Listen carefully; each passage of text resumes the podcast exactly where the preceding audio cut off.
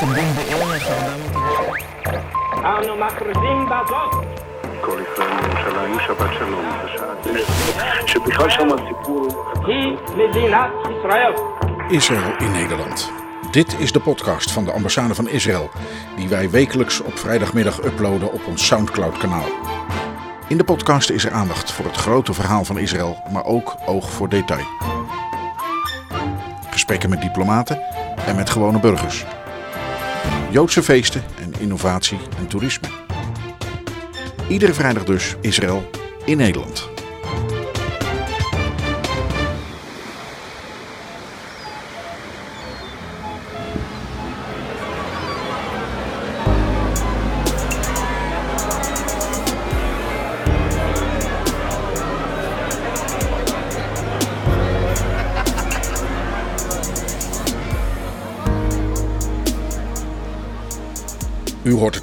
Dit is niet normaal. Zo beginnen we niet met een normale uitzending van onze podcast.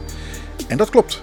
Nu de regio Midden ook vakantie heeft gekregen, is het zover. Vakantietijd. Wij vroegen ons als team op de ambassade af: wat gaan we doen? Ook met vakantie? Of gaan we door? Maar als we podcast blijven maken, hoe gaan we dat dan doen met onze eigen vakanties? We hebben besloten een zomerserie te maken die geheel in het teken komt te staan van 70 jaar relaties tussen Nederland en Israël. Want dat vieren we dit jaar. Tegelijk is het ook vakantie, dus het moet allemaal wel prettig beluisterbaar zijn. Nu wil het geval dat ik enkele jaren geleden bij het oud papier een oud boek zag liggen. En ik ben dan zo dat ik toch nog even kijk wat het is, voordat het weggaat. Het bleek te gaan om het dagboek van de eerste Nederlandse ambassadeur in Jeruzalem, Johan Alexander Nederbracht. Hij was eerst consul-generaal en vervolgens gezant van het Koninkrijk der Nederlanden van februari 1948 tot en met oktober 1950. Hij maakte de stichting van Israël en de onafhankelijkheidsoorlog dus als ooggetuige mee. We gaan over de schouder van Johan Nederbracht meelezen en meekijken naar wat hij zo al meemaakt. We sluiten die serie in september af als we een evaluatie van de man en zijn betekenis maken met historicus Bart Wallet en andere gasten. Daarbij komt ook de tijd aan de orde voordat hij naar Israël vertrok, ook de oorlogsjaren waarover controverse bestaat. Maar dat dus in september. Eerst nemen we u mee naar 1948.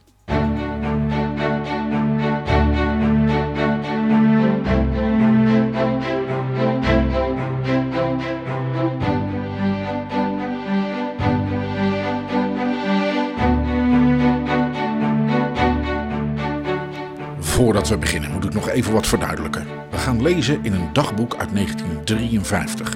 Een oud boek dus, waarbij ook de taal van toen is. Zo heeft ambassadeur Nederbracht het niet over beschietingen, maar over schieterijen. Vaak gaat het over Lake Success en dat is dan het plaatsje in de Amerikaanse staat New York, waar in 1948 onderhandeld wordt over een oplossing voor het conflict in het Brits mandaatgebied Palestina. Het gaat over truce, een bestand tussen strijdende partijen, en ceasefire, een staakt het vuren. En in de woorden van Nederbracht is een voorbereidende VN-delegatie een avant-garde der VN. En omdat hij een religieus man is, gereformeerd, zijn voor hem de Bijbelse verhalen deel van zijn dagelijkse realiteit. Als hij bij de Jordaan staat, die klein en modderig is, begrijpt hij de houding van de Syrische generaal Naaman uit het Bijbelboek Twee Koningen, die ook niet in zo'n miserig riviertje wil baden om van zijn melaatsheid af te komen. Vorige week volgden we Nederbracht naar Jeruzalem.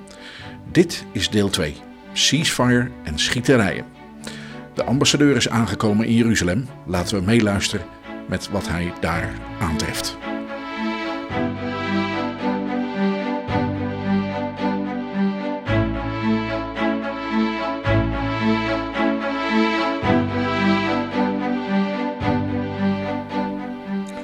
Onze derde zondag in Jeruzalem.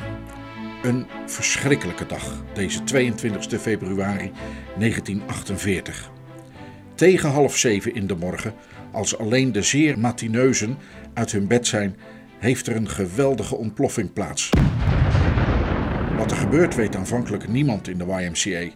Maar in de loop van de dag komen de radioberichten binnen. In Ben Yehuda Street zijn drie trucks met explosieven door de Arabieren onder militair en politioneel mom door de Jaffa-poort in de stad gebracht, ontploft. De gevolgen zijn ontzettend. Tal van huizen verwoest, 37 doden en 132 gewonden. Jerusalem's main Jewish business thoroughfare, Ben Yehuda Street, is a heap of smoking rubble. From all parts of the city, people run to the scene of the shattering explosion, and rescue work is carried out by all men of goodwill, British, Arab, and Jew. But an early reaction of the Jewish population to this act of terrorism is to brand the British as its perpetrators. Feeling runs so high that police and army relief squads are ordered to withdraw. Men vraagt zich af hoe deze dingen kunnen gebeuren. Waartoe dienen prikkeldraad en roadblocks en Engelse en Joodse controle? Men vraagt zich ook af wat de reactie hierop en de consequenties hiervan zullen zijn. In de late namiddag is er weer een ontploffing, veel zwakker, maar gevolgd door een zeer lange curfew en veel schieterij, die ongeveer uit de richting van de plaats der ramp schijnt te komen.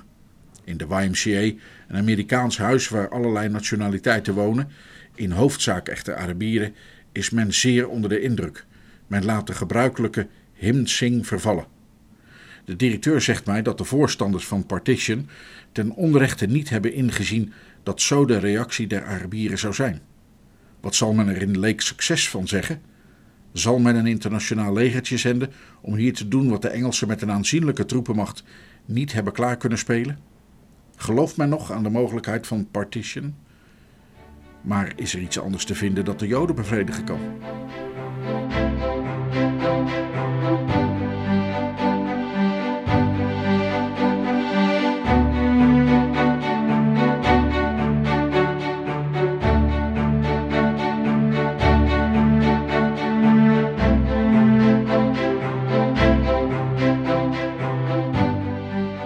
Berichten van de volgende dag, maandag 23 februari, zeggen dat er niet 37, maar 44 doden gevallen zijn bij de ramp.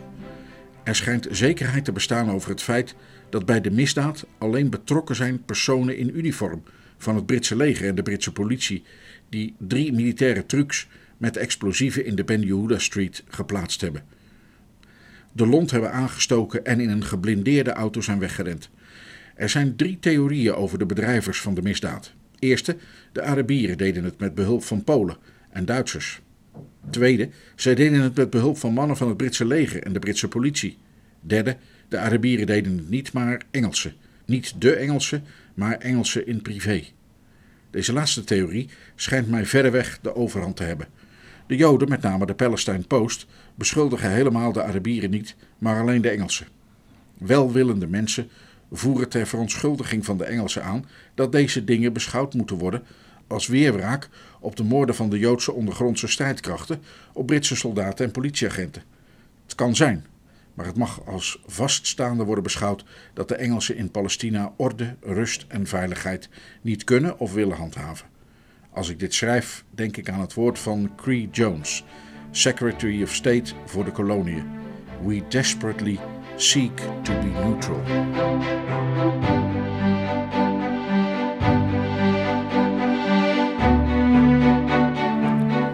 Mijn bezoeken zet ik voort met enige haast, want ik weet niet hoe lang ik mij nog vrij bewegen kan.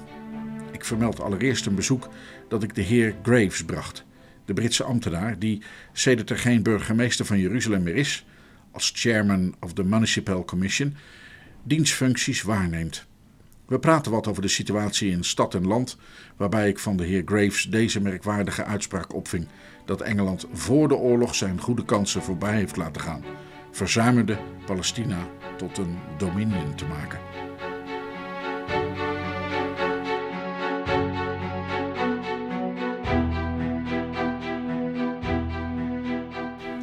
Voorts bracht ik een bezoek aan het consulaat-generaal van Libanon, waar ik, bij ontstentenis van de chef, ontvangen werd door de consul, die hoog opgaf van zijn mooi land en zijn hoog ontwikkeld volk, waarop hij trots is.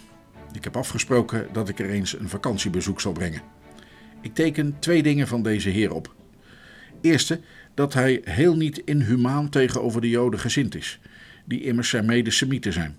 En het tweede, naar zijn mening de aanslag in Ben Yehuda werk van Arabieren is, die hiermede het bewijs leveren dat zij, om zo te zeggen, heel wat mans zijn. Hiermede stemt geheel het oordeel van de viceconsul van Syrië overeen, die ik tenslotte bezocht. Hij verzekerde mij dat al wat de Arabieren tegen de Joden ondernemen particuliere actie is, waarmee de regeringen niets te maken hebben. De regeringen zullen alleen ingrijpen als er een internationale politiemacht komt. Ik meende echter te zien doorschemeren dat als er een grote macht komt, de Arabieren niet veel zullen kunnen doen. Overigens verzekerde hij mij ook dat de Arabieren, in Palestina of ook daarbuiten, bereid zijn in de dood te gaan tegen partition.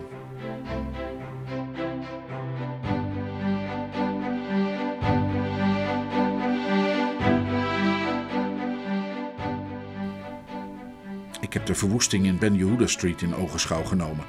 Het is een ontzettend gezicht, maar de Joden werken er als paarden. Over het verloop van de ramp is er blijkbaar nog geen zekerheid. Waren er twee of drie kamions met explosieven? Men neemt wel aan dat er een paar ton, zo niet enige tonnen, ontploft zijn. Het aantal doden schijnt de 50 te naderen. Daarna bezoek bij de British Commercial Agent. Ik vraag de heer Jordan naar zijn oordeel over de ramp. Hij acht het uitgesloten dat actief dienende Engelsen het gedaan hebben. Het zijn anderen geweest, dus Arabieren, geholpen door Polen, veelal knappe, maar gedepaeseerde mensen en misschien gedeserteerde Engelsen. De camions waren gestolen, maar dat feit van de gestolen auto's, dat erkend wordt en dat als excuus gebruikt wordt, is juist een aanklacht als men bedenkt dat er wel honderd gestolen moeten zijn, ten nadele van de militaire macht. Hoe kan dat? Pogingen van consulaire heren, zo vertellen deze mij bij een onderlinge bespreking om in Jeruzalem een wapenstilstand tot stand te brengen, zijn mislukt, omdat de Arabieren zonder botweg te weigeren er niet op ingaan. En dan is er een vraag die ons zeer interesseert, namelijk of men iets doen kan, als de Engelsen weggaan, om zichzelf en de consulaten te beveiligen. Men weet er niets anders op dan af te wachten wat gaat gebeuren en te blijven waar men is. Terecht wordt afgewezen het grappige denkbeeld van een consulair kibbutz. Als dat aangevallen werd, waren ineens alle consulaten in gevaar. Voorts treffen met twee dingen. De collega van gisteren schijnt me nu iets minder fel verzekerd te zijn van de schuld der Engelsen aan Ben Yehuda Street. En een andere collega bevestigt mijn oordeel over de wilde schieterijen die we hier telkens horen.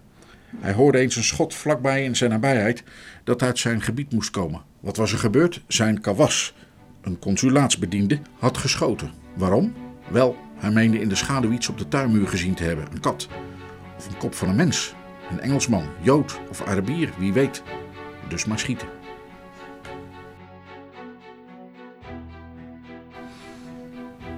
De volgende morgen, donderdag 26 februari, bezoek ik de Inspector General of Police, die zo zwaar bewaakt wordt dat een onbevoegde hem niet benaderen kan. Colonel Gray is een hoffelijk en aangenaam mens. Hij kent ons land enigszins en vraagt mij naar de betreurenswaardige verdeeldheid van ons volk na de oorlog. Ik kan hem gelukkig antwoorden dat wij kennelijk op de weg der beterschap zijn.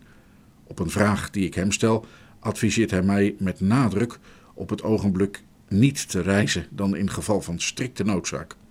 Ook vraag ik hem naar de zaak van Ben Street. Hij is van oordeel dat geen actief lid van meermacht of politie erbij betrokken is. Daarna zijn Arabieren die in de tijd van de strijd der Joden tegen de Engelsen het lugubere vak van de Joden geleerd hebben.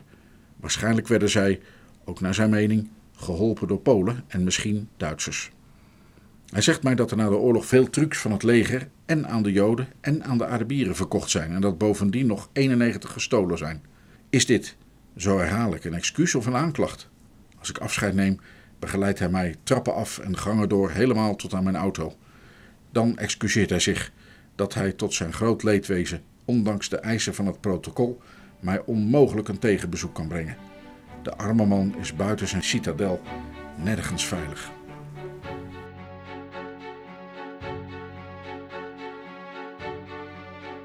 Van een bezoek bij de heer Herzog, opperrabijn van de Askenazim, de zogenaamde Duitse Joden, teken ik aan dat de heer Herzog voorzichtig is in zijn oordeel. Hij weet niet wie de schuld van Ben Yehuda Street draagt. Er is een commissie ter zake benoemd en op onpartijdigheid beëdigd. De zaak is dus sub judice. Doch het is een Joodse commissie.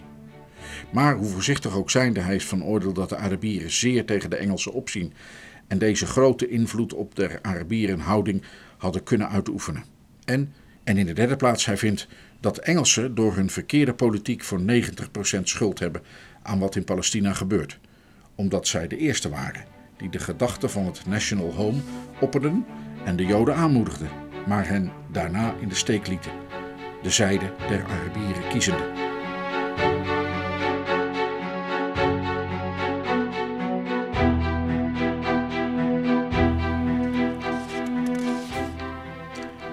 Daar gaat mij een licht op. De YMCA is, dat hebben we al lang gemerkt, sterk Arabisch getint.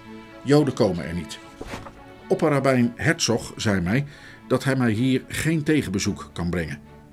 Nu vielen mij hier twee dingen onlangs op. Het eerste is dat de directeur, een Amerikaan, verleden zondag na de ramp in de Ben Yehuda Street zo van stuur was dat deze onschuldige, dat onze onschuldige himsing niet doorgaan kon. Terwijl een paar dagen later, na een wilde schieterij, een eenvoudig filmvertoningje niet mocht plaatsvinden. Ik kreeg de indruk dat men in de YMCA, om zo te zeggen, een slecht geweten heeft en bang is.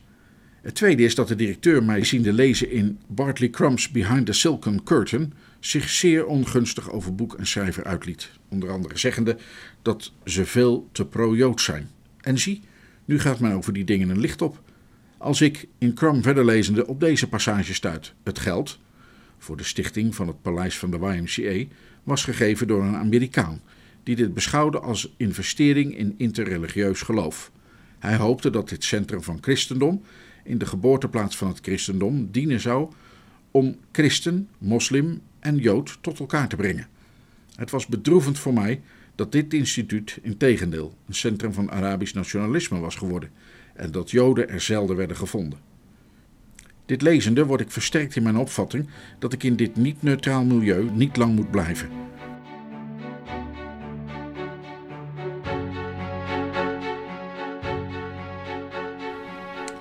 Ik lunchte bij de Schotse dominee, die de Joden beschouwt als de gevaarlijkste totalitaire macht ter wereld, die de gehele wereld in haar vampierarmen geklemd houdt. Palestina wil de dominee niet voor de Joden. Alle profetieën in zaken Joden en Palestina zijn reeds vervuld. Maar als rehabilitatieoord voor alle vervolgden en verstotenen der mensheid. Ik huiver bij de gedachte dat zijn opvatting enigszins algemeen de Engelse zienswijze zou zijn. De Courant brengt bijzonderheden over een misdaad, gisteren door de radio reeds bekendgemaakt. De Sterrengroep heeft bij Rehovot een Engelse legertrein opgeblazen. Er zijn veel slachtoffers: 28 Engelse soldaten, 23 Joden, samen 51 doden en tal van gewonden. Wraak over Ben Yehuda Street? De misdaad wordt ook door de Palestine Post afgekeurd. Zij spreekt van vijanden van binnen. Collega's beklagen zich erover dat bij het passeren van roadblocks hun papieren gevraagd worden. Het voeren van de nationale vlag moest hen, huns inziens, daarvoor vrijwaren. Als er vier in de auto van één hunner naar huis rijden, maken zij aan een roodblok moeilijkheid. Wat een scheldpartij met de Joden geeft. Ik vind zulke dingen dwaas, het laat me koud. Of ik op gronden van internationaal recht of internationale gewoonte iets eisen mag. En vertoon aan ieder die het vraagt Engelsman, Jood of Arabier, mijn papieren. Ik bevind mij er best bij. Kom overal vlot door. Consigne is alleen zorgen buiten schieterij te blijven. Men zegt mij dat een avant-garde van de Palestine Commission der VN is aangekomen. Dat zij naast de YMCA is ingekwartierd en dat de Arabieren haar willen opblazen. De pap wordt echter niet altijd zo heet gegeten als ze opgediend wordt.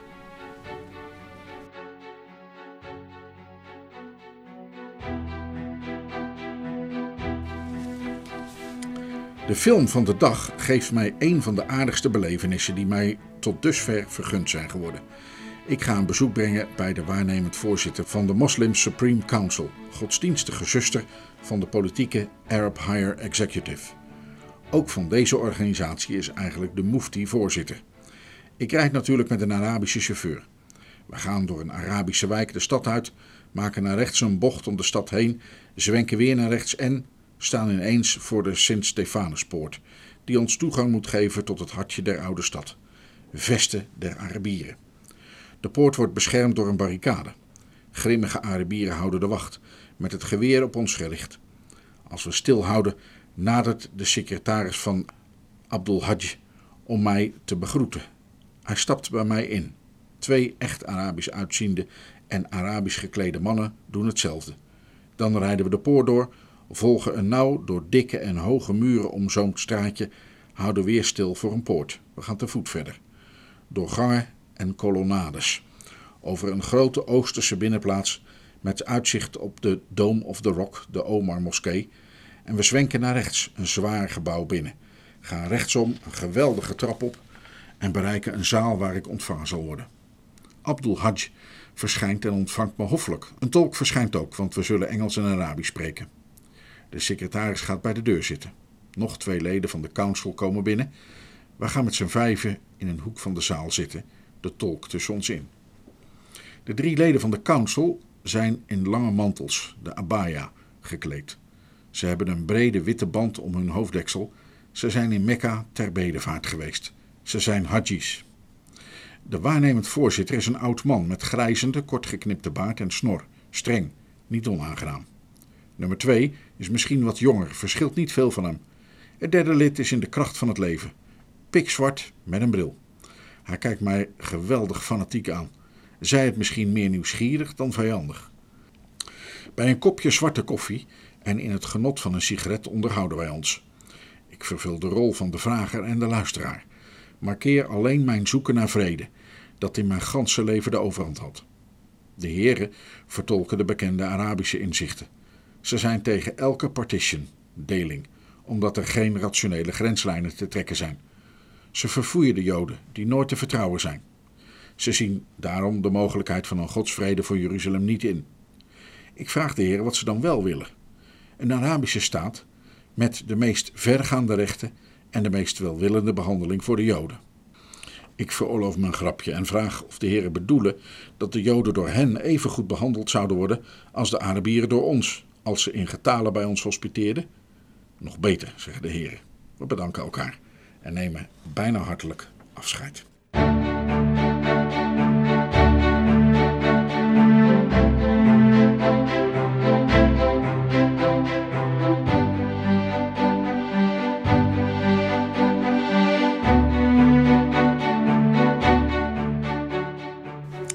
We zijn naar Bethlehem geweest. Het is daar veilig en de weg erheen ook. Dusver ben ik trouwens, godzijdank, nergens in gevaar geweest. De laatste dagen is het in en om Jeruzalem overigens rustig. De avant-garde van de VN wordt zeer streng bewaakt. De dames, die er deel van uitmaken, schijnen van rantsoenen van de Engelsen het eigen potje der delegatie te moeten koken, omdat men de delegatie niet bedienen wil. Een nieuwtje is verder dat, naar ik in de pers lees, Engelse fascisten hebben verklaard dat Engelsen Ben Yehuda Street hebben opgeblazen. Weg naar Bethlehem waren we in een gehucht, of liever op een heuvel, Tantour genaamd.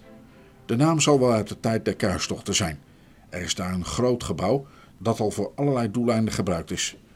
Sedert een paar jaar is er de eertijds Duitse inrichting Talita Kumi in, geleid door Hollandse doctoranda in de Engelse taal die tot de kwekers behoort. De Duitsers deden hier veel en goed werk. Erleuserkirche, Augusta Victoria Stiftung, Archeologisch Instituut, Ziekenhuis, Talita Kumi, Syrisches Waisenhaus te Jeruzalem, maar met vertakkingen in de landen, Carmel Mission enzovoorts. Men zegt mij dat de Duitse bezittingen van deze aard 6 à 8 miljoen Palestijnse pond beliepen.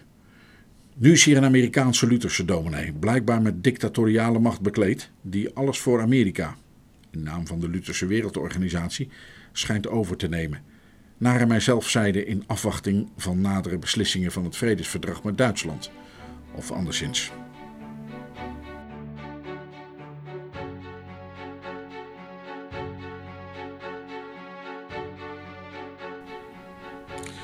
Ons wacht weer een dies ater.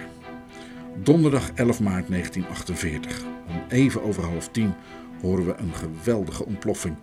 Vlak bij ons. We zien in westelijke richting zware rookwolken.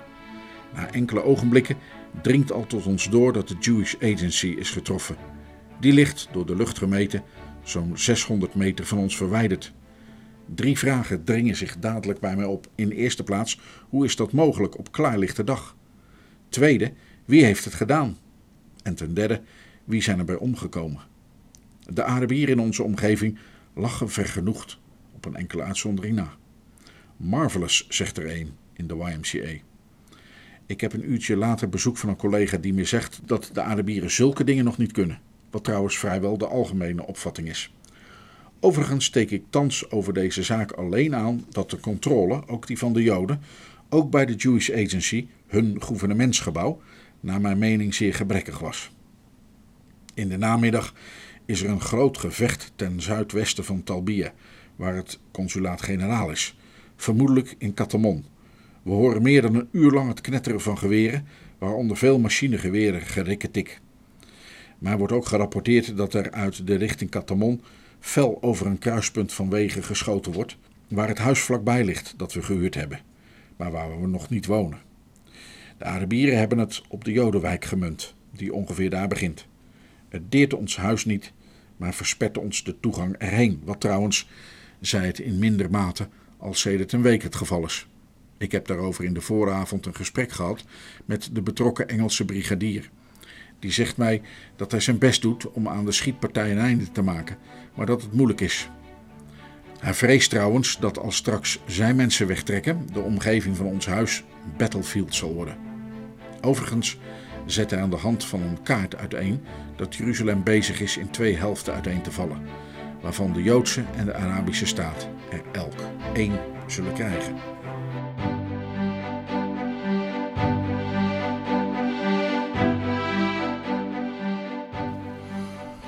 Vannacht, nacht van maandag op dinsdag, is er sneeuw gevallen in Palestina, ook in Jeruzalem. Grote pret in de YMCA. Op onze etage hebben de schoonmaakstertjes in een van de kamers op de stenen vloer, zodat het geen kwaad kan, een sneeuwpopje gemaakt. Vanwege de sneeuw heeft Jeruzalem een rustige dag. In de bladen lees ik dat Joden en Arabieren in Tiberias, waar heftig gevochten wordt, een wapenstilstand hebben gesloten en dat er daarna grote verbroedering plaatsgevonden heeft. Arabieren van elders hadden de herrie veroorzaakt. De mensen ter plaatse moesten er veelal niets van hebben. Sedert de aanslag op de Jewish Agency hebben de consuls-generaal het op straat niet naar hun zin, omdat hun insignia door de Joden verdacht worden. Ik heb nog geen eigen wagen, maar rijd met taxis van Joden en Arabieren. Ik heb alle in omloop zijnde insignia ingenomen en rijd zonder bijzondere kentekenen, maar gewillig aan alle controle onderwerpende. Mijn Zwitserse collega woonde vlak naast het huis waar men de avant-garde van de VN-commissie, de Lonely Pilgrims, heeft ingekwartierd. Hij heeft de wijk genomen en woont op een primitieve etage, naar hij mij zegt, waar het echter veiliger is.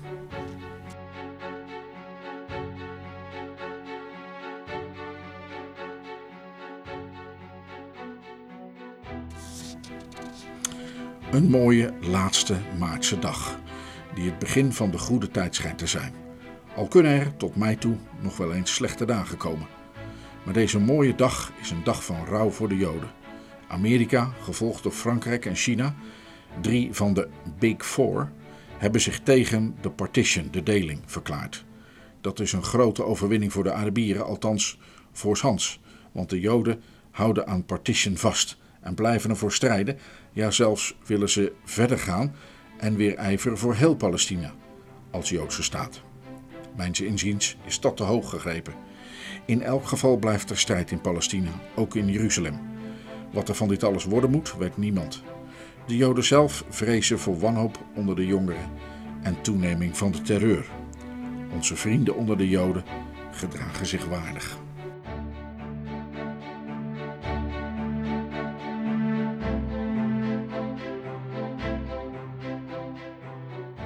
We zijn ergens in de Joodse stad op een verjaarsvisite geweest, waar we oude en nieuwe Joodse vrienden ontmoeten. Om zes uur zouden we per auto vertrekken, maar de chauffeur kwam ons zeggen dat men niet naar de YMCA kon rijden, omdat er in en om Yemin Moshe hard gevochten werd. Dat is de Joodse wijk achter het Franse consulaat-generaal, die telkens door de Arabieren aangevallen wordt en waar al eer een Battle of Jerusalem plaatsvond. Als het veilig werd, zou de auto ons nog komen halen maar de auto kwam ons niet halen en vrienden herbergden ons voor de nacht gastvrij. Ook in deze buurt werd s'nachts geschoten, maar het huis ligt verscholen en op het ogenblik nog veilig. In de vroege morgen rijden we naar huis. In de namiddag gaan we op theevisite bij mevrouw Neuville, Het uitzicht van het Franse consulaat-generaal op de oude stad met de citadel is vooral tegen zonsondergang bijna bovenaards. Maar in een Second Battle of Jerusalem van gisteren is het huis herhaaldelijk getroffen door Arabische kogels, bestemd voor het ongelukkige Yemin Moschee, dat beneden in de vallei, juist hier en in de oude stad ligt. Eén kogel drong tot in de bibliotheek van de heer Neuville door en trof hem zelf bijna.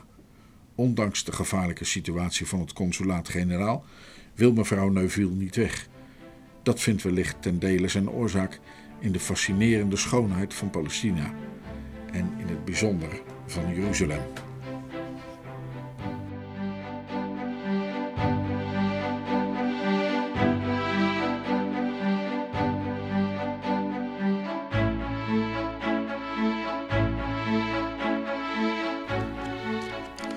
Vanmorgen, dinsdag 23 maart, heb ik een interessant bezoek gebracht aan de Armeense patriarch, die wel ongeveer een uur met me heeft zitten praten, waarbij hij zelf voornamelijk aan het woord was.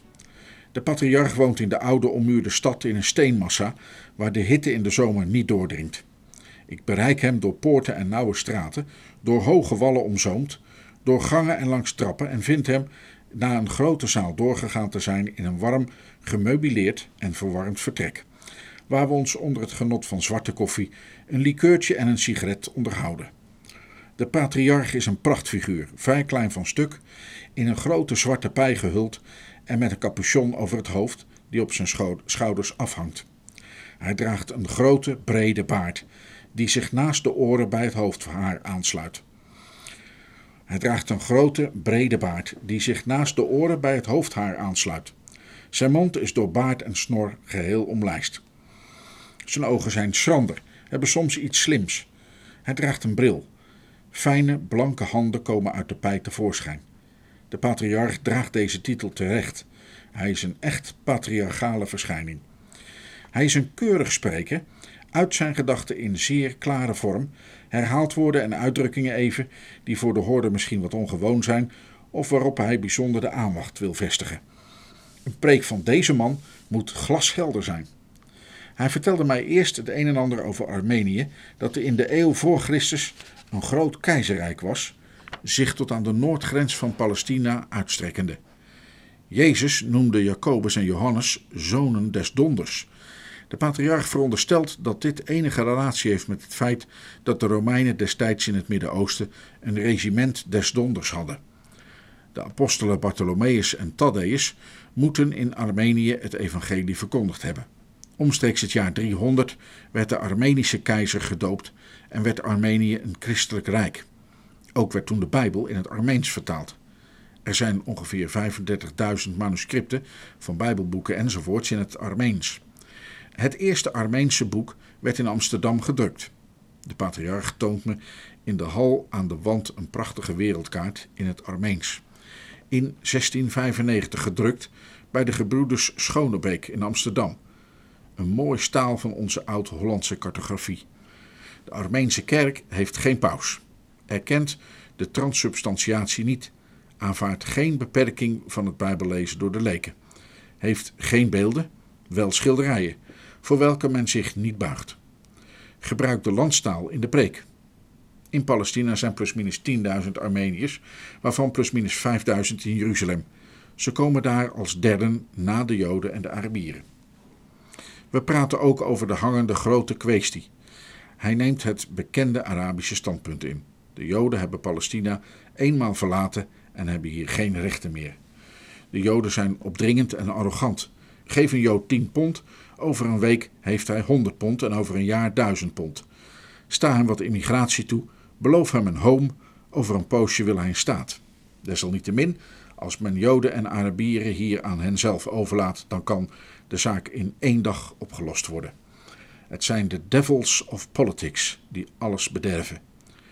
Ik houd aan deze man zeer aangename herinneringen en hoop dat mijn weg zich later nog eens met de zijne kruist. Even later spreek ik een Engels ambtenaar die in de loop van een onderhoud over zeer huishoudelijke dingen ook alweer dezelfde gedachte vertolkt. Laat Joden en Arabieren ter plaatse zelf hun zaken regelen. En het is zo in orde. S'avonds Om ongeveer kwart over zes, terwijl wij in de YMCA een filmuurtje hadden, zag ik ineens door een ruitje de lucht helrossig verlicht. Een ondenkbaar ogenblik later hoorden we weer een zware ontploffing.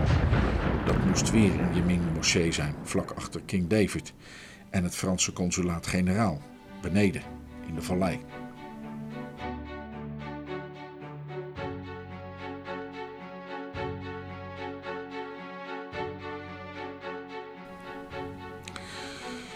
Volgens de Palestine Post is de aanslag op Yemin Moschee mislukt. No one was hurt. Volgens radioberichten waren er wel doden en gewonden.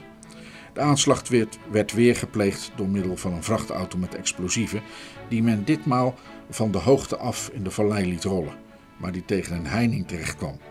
Men kon zich bij tijds in veiligheid stellen, maar enige huizen, 30, werden slachtoffer. Het was een op zichzelf gewenste opruiming van oude huizen, doch op ongewenste, gevaarlijke wijze uitgevoerd. In het Franse consulaat-generaal, waar we vanavond moeten dineren, moet geen ruit heel gebleven zijn.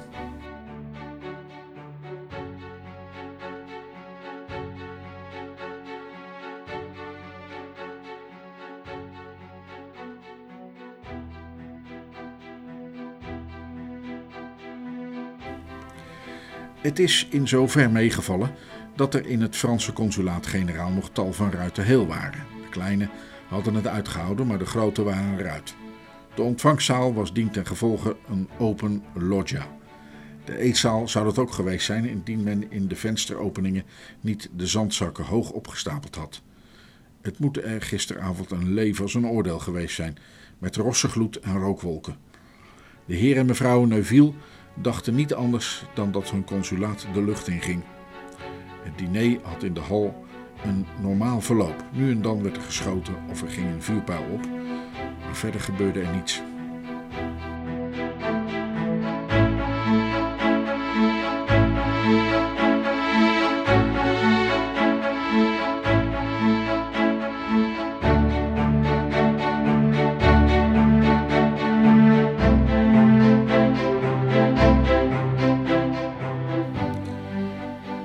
De YMCA, nu het grote Arabische chauvinistencentrum, veiligstellen om te voorkomen dat het na 15 mei aanstaande door de ene partij als hoofdkwartier gebruikt en door de andere partij aangevallen wordt.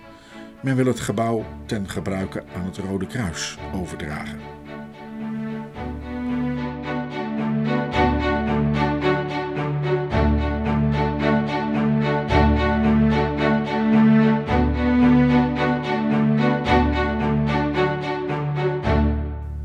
Het is Goede Vrijdag, een stille dag. Het schijnt dat men nog genoeg piëteit heeft om vandaag in de Holy City niet te vechten. In de voormiddag gaan we als gewoonlijk naar de Schotse St. Andrew's Church. Er is een solemn service of commemoration of the crucifixion of our Lord. De moderator van de Schotse kerk is aanwezig en houdt de preek. Het is een kort woord over de verdeeldheid van het christendom, dat zoveel meer kon doen als het meer één was. Er wordt in deze kerk altijd over christendom als een new way of life gepreekt. Ik mis steeds de kern van de zaak. De keuze moet mijns inziens altijd en voor alles zijn: Christianity is the cross of Christ. In de namiddag waren wij in Gethsemane in de kerk, de Church of the Nations, en in de Hof. De kerk met haar mozaïeken en met haar prachtige triptiek boven de plaats van Christus zwaarste lijden Jezus doodstrijd in het midden, de Judaskus links, de mannen met de zwaarden en stokken rechts. De kerk is gebouwd op de grondslagen van twee vergane kerken.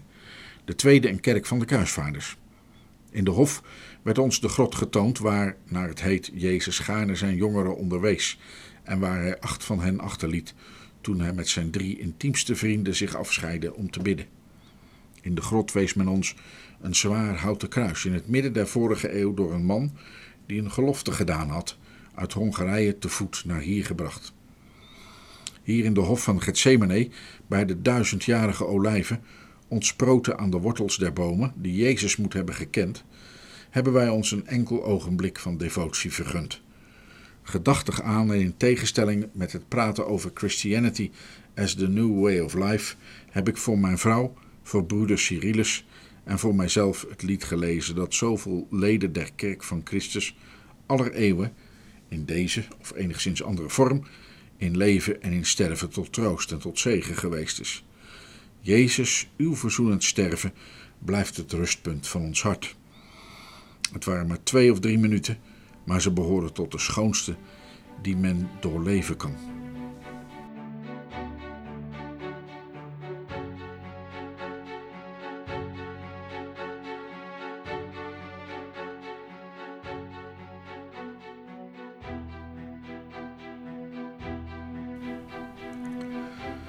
Gaan op paaszondag naar de kerk.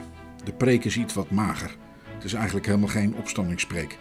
In de namiddag is er in de lokaliteiten welke bij de kerk behoren een ontmoeting van vrienden. Het begint om vier uur. Om vijf uur willen we weg, maar dan barst er weer een Battle of Jerusalem los, altijd om Yemin Moschee. Gelukkig duurt het maar ruim een half uur. Dan zet de chauffeur er eilings de gang in en zijn we in een wip veilig thuis. Paasmaandag gaan wij naar Jericho, 37 kilometer van hier, en maken het enige uitstapje dat men zonder bezwaar maken kan, afgezien van Bethlehem, dat echter juist deze dagen in de gevechtszone is komen te liggen. De weg naar Jericho over Bethanië, dat is de weg van de barmhartige Samaritaan, gaat met groot verval naar de diepte, met grote bochten, waaronder vele zogenaamde haarspelden, door een interessant, zeer onregelmatig bergland over hoogte en doorkloven, met bijna voortdurend mooie vergezichten, in het bijzonder op de bergen van het Overjordaanse. Jeruzalem ligt plusminus 800 meter hoog. Lang voordat we bij Jericho zijn, zien we aan de zijde van de weg een bord waarop vermeld staan dat wij de sea level bereikt hebben. Dan dalen we nog plusminus 250 meter en komen in de vlakte. Soms zijn de bergen met hele weiden van kleine, fijne, meest paarse bloemetjes, maar ook wel rode anemonen bedekt. Jericho, uit de Bijbel zo bekend, maakt met zijn palmen en cipressen de indruk van een oase. Het is nu een armelijk Arabierendorp met enkele hotels. Het hotel dat zich het eerst vertoont, ziet er met zijn mooie Palestijnse steen aanlokkend uit. En als we binnengaan, maakt het met zijn grote ruimte en zijn vele rugs een goede indruk. Als men ons de slaapkamers laat zien, wordt de indruk veel minder. En hij wordt bepaald slecht als we met de sanitaire inrichting van het huis kennis maken. Ik maak enkele foto's, onder andere van de berg der verzoeking, waarop men uitzicht heeft. Ook van een Arabier met een kameel. Dat kost me een bakshish. Jongens willen ook gefotografeerd worden, natuurlijk om de bakshish, de fooi. Op een gegeven ogenblik hangen ze als een klit aan mijn arm.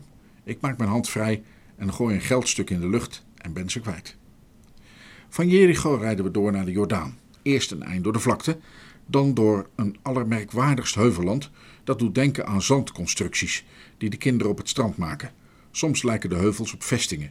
Ze zijn volkomen kaal, door de meest grillige diepte van elkander gescheiden. Blijkbaar beddingen van stromen en stroompjes. De hellingen zien er ook uit alsof er iets langs gestroomd heeft, dat uit de hemel neergeplast is. We zijn vlak bij de Dode Zee, waarop we telkens uitzicht hebben. Zwavel en vuur, die God over Sodom en Gomorra heeft doen regenen, hebben blijkbaar ook deze heuvelen getroffen.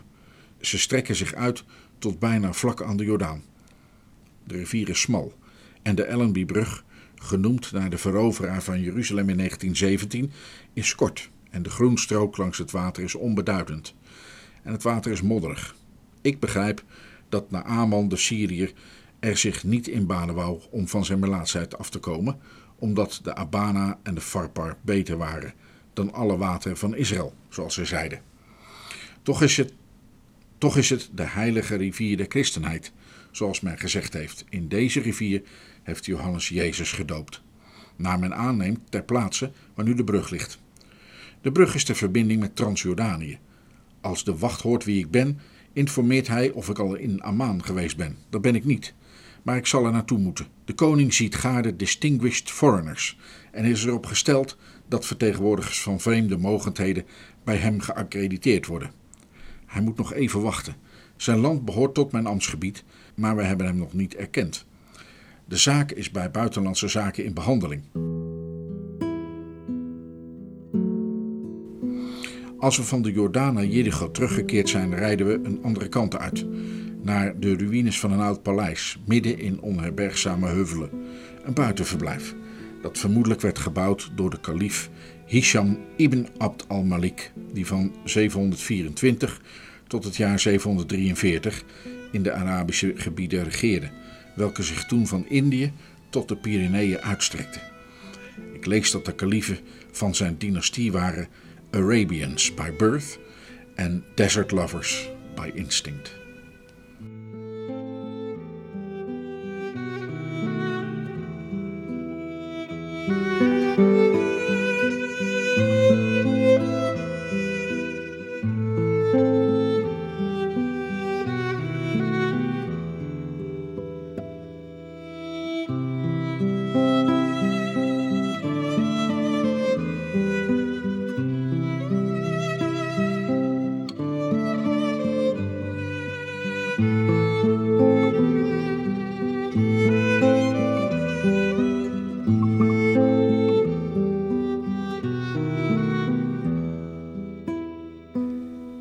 Komen wij aan het einde van deze aflevering van Israël in Nederland, onze speciale zomerserie over Johan Nederbracht, de eerste officieel vertegenwoordiger van Nederland in Israël.